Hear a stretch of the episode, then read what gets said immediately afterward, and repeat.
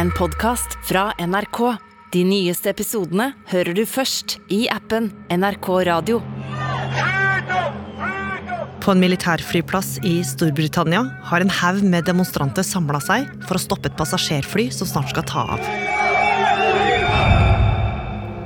Om bord sitter sju personer.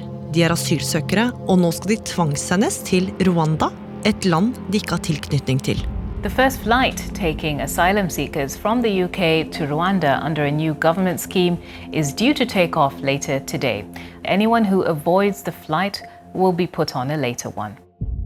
Men rett før takeoff skjer det noe. For noen har jobba iherdig for at flyet aldri skal lette. A last minute decision by the European Court of Human Rights stopped the first UK asylum seeker relocation flight to Rwanda. The deportations undermine the quote basic dignity of people seeking to escape war and oppression. Og nå raser debatten i Storbritannia. It's a wonderful idea. Why? Because they can't keep on coming across the channel on those little boats. This is all wrong. This is all wrong. For so many different reasons.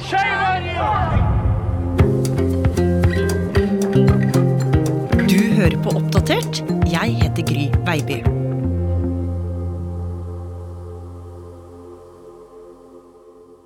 Den britiske regjeringens nye plan for hva de skal gjøre med asylsøkere har ført til stor debatt i Storbritannia. Og Prins Charles til og med eh, skal ha vært eh, imot den, eller er imot den. Og 25 biskoper i den anglikanske kirke har gått samlet ut i avisene her mot regjeringen og kalt denne planen for en skam for landet. Gry Blekastad Almås, du er NRKs korrespondent i London. Og denne omdiskuterte planen den åpner opp for noe helt nytt. Nemlig at folk som søker asyl i Storbritannia, kan bli tvangssendt til et helt annet sted. Langt sør i Afrika, nemlig til Rwanda. Det er jo en høyst uvanlig praksis, og derfor har det også skapt eh, veldig sterke reaksjoner. Så de som kom til Storbritannia og drømte om å starte et liv der, de kan jo nå risikere å ende opp med å bli flytta til et helt annet kontinent. Og for å skjønne hvordan dette radikale forslaget ble til, og hva som egentlig skjedde med flyet som skulle til Rwanda, så må vi spole litt tilbake i tid. Det er oktober 2019, og en trailer er akkurat kjørt av en ferge i Essex i England. Sjåføren stanser traileren i et industriområde i nærheten og åpner bakdørene. Og der møtes han av et grusomt syn. Foran ham lå det da 39 døde mennesker. Eh, han ble jo sjokkert, selvfølgelig, ringte til nødetaten, og så startet det etter hvert en etterforskning for å finne ut hva som hadde skjedd seg. Og det viste seg da at disse 39 menneskene hadde dødd av mangel på luft inne i denne konteineren som var lukket. De hadde kjempet for å prøve å komme seg ut. Det hadde liksom blitt 40 varmegrader der inne. Eh, men eh, luften ebbet ut, og, de døde der. Migranter som da hadde kommet fra Vietnam via Belgia til Storbritannia ved hjelp av menneskesmuglere, kriminelle nettverk. It was the early hours of this morning when the emergency services received the call, but it was too late. They arrived to find 39 bodies in the back of a lorry. Who put those 39 people into that trailer? They were found behind that police cordon at about 1:40 this morning, each and every one of them dead. Avsløringa av menneskesmuglinga som endte så tragisk, var bare én av flere historier som skulle komme de neste åra. Og som gjorde det tydelig at asylsystemet i Storbritannia sto overfor store utfordringer. For det hadde jo blitt ganske belasta under flyktningkrisa noen år tidligere. It's happening every day and every night on every truck that passes through. They're in an extremely desperate state. The tales that you know that it's it's all it's all great in the UK uh, is is what just keeps them persistent. This is where the desperate people come. The people don't care if they live or die. People died over here. The French authorities estimate that each night 40 people make it undetected through Calais border checks and onto the ferries bound for the UK. Many more fail. Get to England or die trying, innit? Og da var det ulovlige ruter som oppsto. Noen via lastebiler, biler, ferger og tog. gjennom store operasjoner som var organisert av menneskesmuglere, som tjente seg rike, og som ble stadig mer avanserte.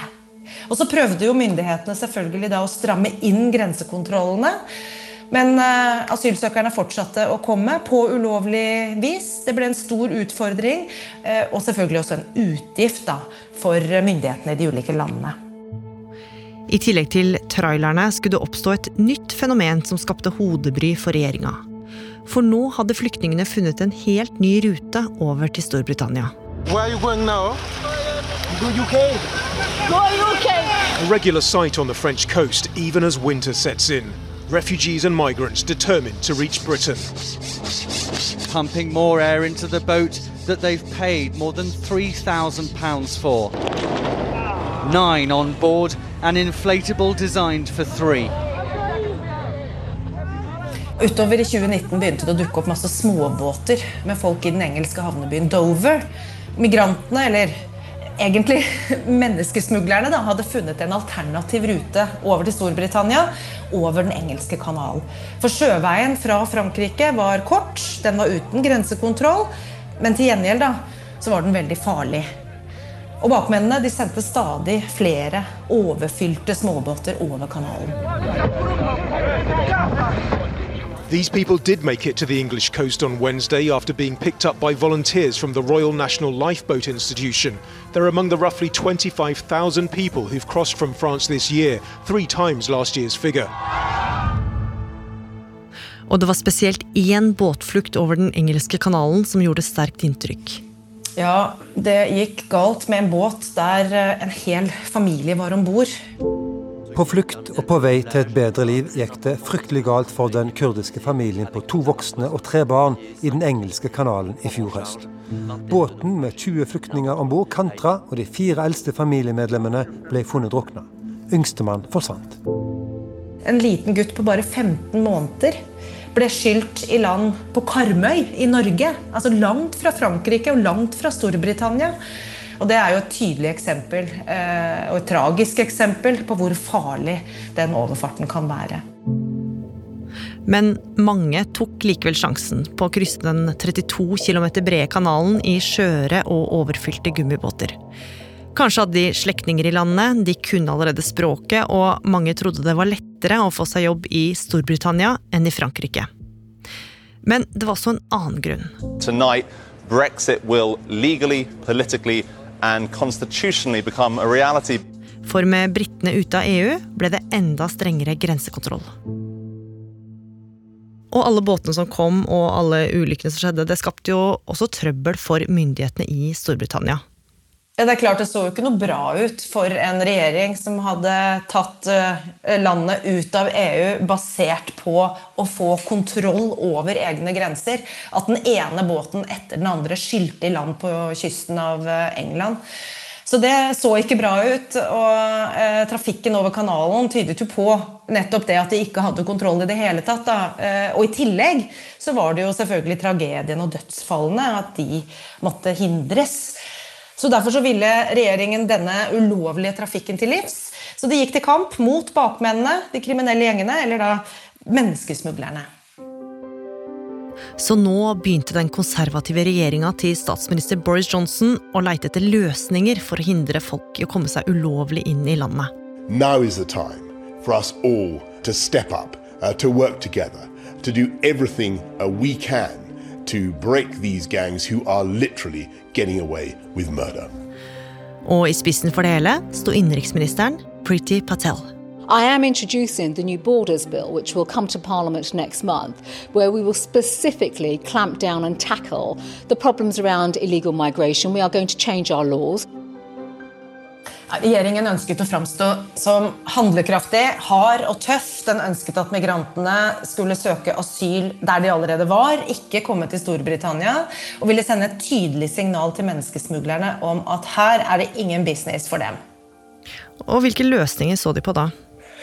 De samarbeidet jo tett med franske myndigheter. Betalte dem for at de skulle patruljere på de franske strendene og hindre at båtene dro derfra. Eh, det eh, skulle vise seg å ikke være nok, for eh, asylsøkerne kom seg likevel over. Så de vurderte å sette inn militæret og tvinge båtene tilbake til Frankrike, men innså at det kunne jo utsette folk for ytterligere farer. Eh, og da begynte innenriksminister Priti Patel å se på nye lover. Eh, Bl.a. Eh, hvordan de skulle straffe menneskesmuglerne, potensielt opp til livstid. Så etter å ha prøvd mange ulike løsninger uten at det hadde hatt noe særlig effekt, bestemte regjeringa seg for at det måtte sterkere lut til. Ja, de kom i hvert fall opp med masse ulike ideer. da. Og En av dem var å sende migrantene til stillehavsøya Ascension, som er et britisk område. En annen var at de kunne bo på gamle ferger som lå til kai. Eh, En tredje var å huse flyktninger på nedlagte oljeplattformer midt i Nordsjøen, men ikke noe av dette ble noe av. Men nå begynte det å haste, for i løpet av 2021 hadde det kommet tre ganger så mange flyktninger over kanalen enn det hadde gjort året før. Og nå vendte de seg ut mot verden og fant endelig noe de mente ville funke. Blikket falt på Australia og Israel. Ja, for Britiske myndigheter mente at disse landene eh, hadde funnet eh, en lur løsning. da, For de har begge hatt eh, asylpolitikk der mennesker blir sendt til andre land og områder mens søknadene blir behandlet. Men det har jo vært veldig omstridt politikk da, i begge disse landene, og, som er blitt sterkt kritisert. Um, så Britene uh, kikka jo på tilsvarende løsninger, men andre steder, og vurderte å sende flyktninger og asylsøkere til både Albania og Ghana. Uh, men så var ingen av disse landene villige til å inngå noen avtale med Storbritannia. Og etter mye leiting fikk regjeringa til slutt napp. For et land på et annet kontinent var nemlig interessert i en avtale. Nemlig Rwanda. Rwanda has struck a deal with the British government that will offshore some of the UK's asylum processing to the African country. The plan is part of new UK government measures to tackle undocumented immigration.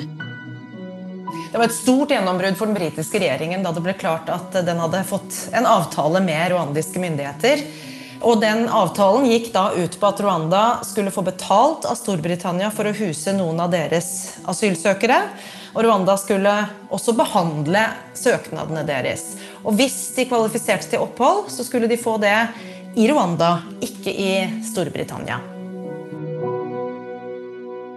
Ja, så da havner de altså i et land de ikke har søkt seg til i det hele tatt. Nettopp. Veldig langt unna alt de hadde risikert livet for å oppnå. Et land med langt dårligere økonomi enn den britiske. Men for Rwanda så kan jo disse menneskene bidra inn i deres økonomi. Og så ble det da presentert som et slags vinn-vinn-opplegg for begge land. Men kanskje ikke for de som skulle sendes av gårde til et land som også har et mer rufsete rykte eh, når det gjelder menneskerettigheter. da. Og innenriksministeren Patel hun reiste til hovedstaden Kigali i Rwanda for å holde en pressekonferanse med utenriksministeren der. Og på et podium med det britiske og rwandiske flagget bak sto de side om side og snakka om hvor bra denne avtalen var. Those who are resettled will be given the support, including up to five years of training with the help of integration healthcare, so that they can resettle and thrive. This is why Rwanda is pleased to work with the UK on this partnership. By relocating migrants to Rwanda, we are giving them the chance to make new lives in our country as full members of our communities. Men det var ikke alle som var like overbeviste. For like etter at de presenterte planen, skulle de bli møtt av en flom av fordømmelse.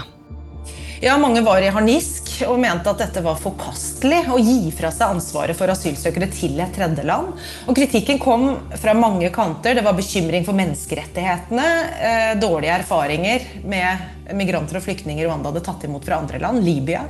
Og det var eh, prinsippet om å frasi seg ansvaret for sårbare folk med behov for beskyttelse osv.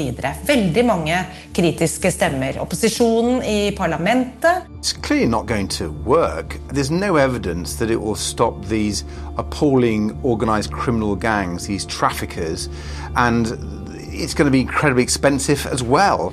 Frivillige organisasjoner i hopetall, FN. This is all wrong. This is all wrong for so many different reasons. Og også 25 av landets biskoper gikk ut i media uh, og brukte harde ord mot regjeringen. There are such serious ethical questions about sending asylum seekers overseas. The principle must stand the judgment of God, and it cannot. Men kritikken prelte av. Regjeringa fortsatte med planen for å få sendt ut folk de mente hadde tatt seg ulovlig inn i landet. Så de begynte å klargjøre det første symbolske flyet som skulle sendes til Rwanda. Og med det håpa de å sende et kraftig signal til alle som vurderte å ta seg inn til Storbritannia over kanalen. Det begynte med 130 personer som skulle sendes med flyet. Men etter at advokater og menneskerettighetsorganisasjoner klagde, og én etter én fikk rettskjennelse på at de ikke skulle være med, var det til slutt bare sju igjen. Og selv om mange prøvde å stoppe dem, både med demonstrasjoner og ved å gå gjennom rettssystemet, så var dagen kommet.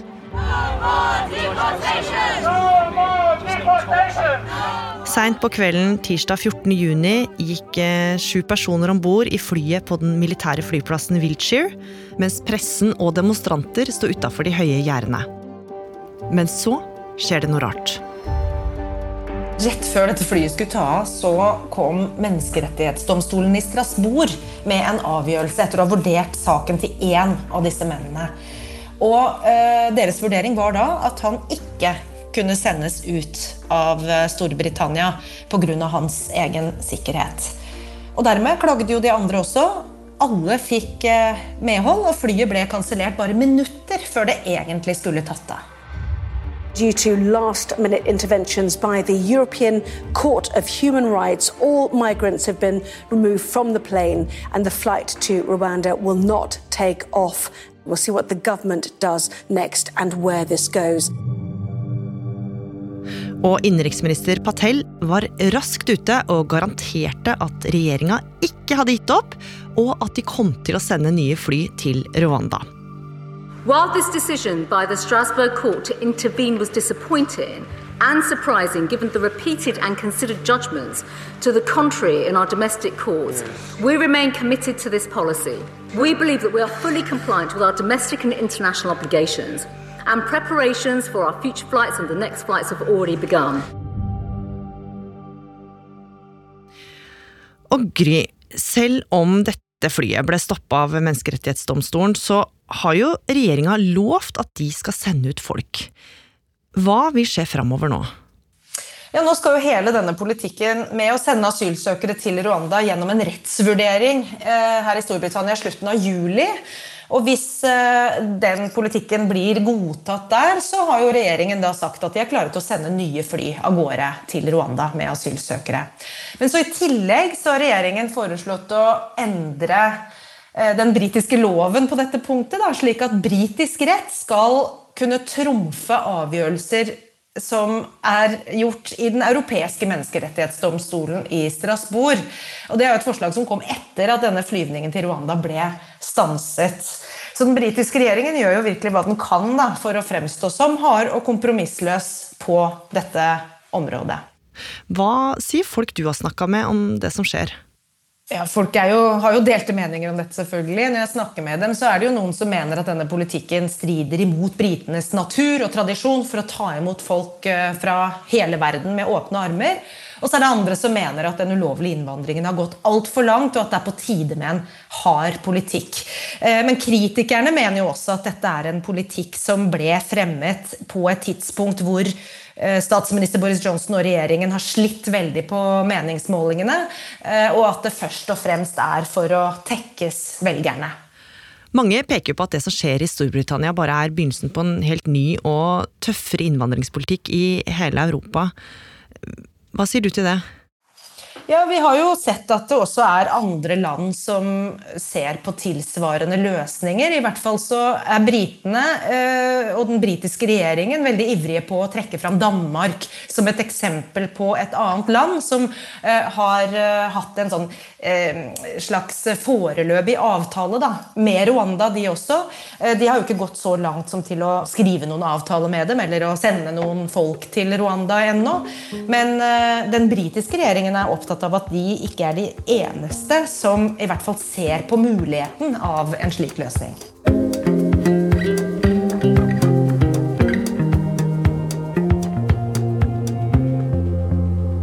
Oppdatert er en podkast fra NRK Nyheter. Og denne episoden er laga av Kaja Kirsebom. Espen Bjørlo Mellem. Andreas Berge. Og meg, Gry Veiby. Programredaktør er meg, Knut Magnus Berge.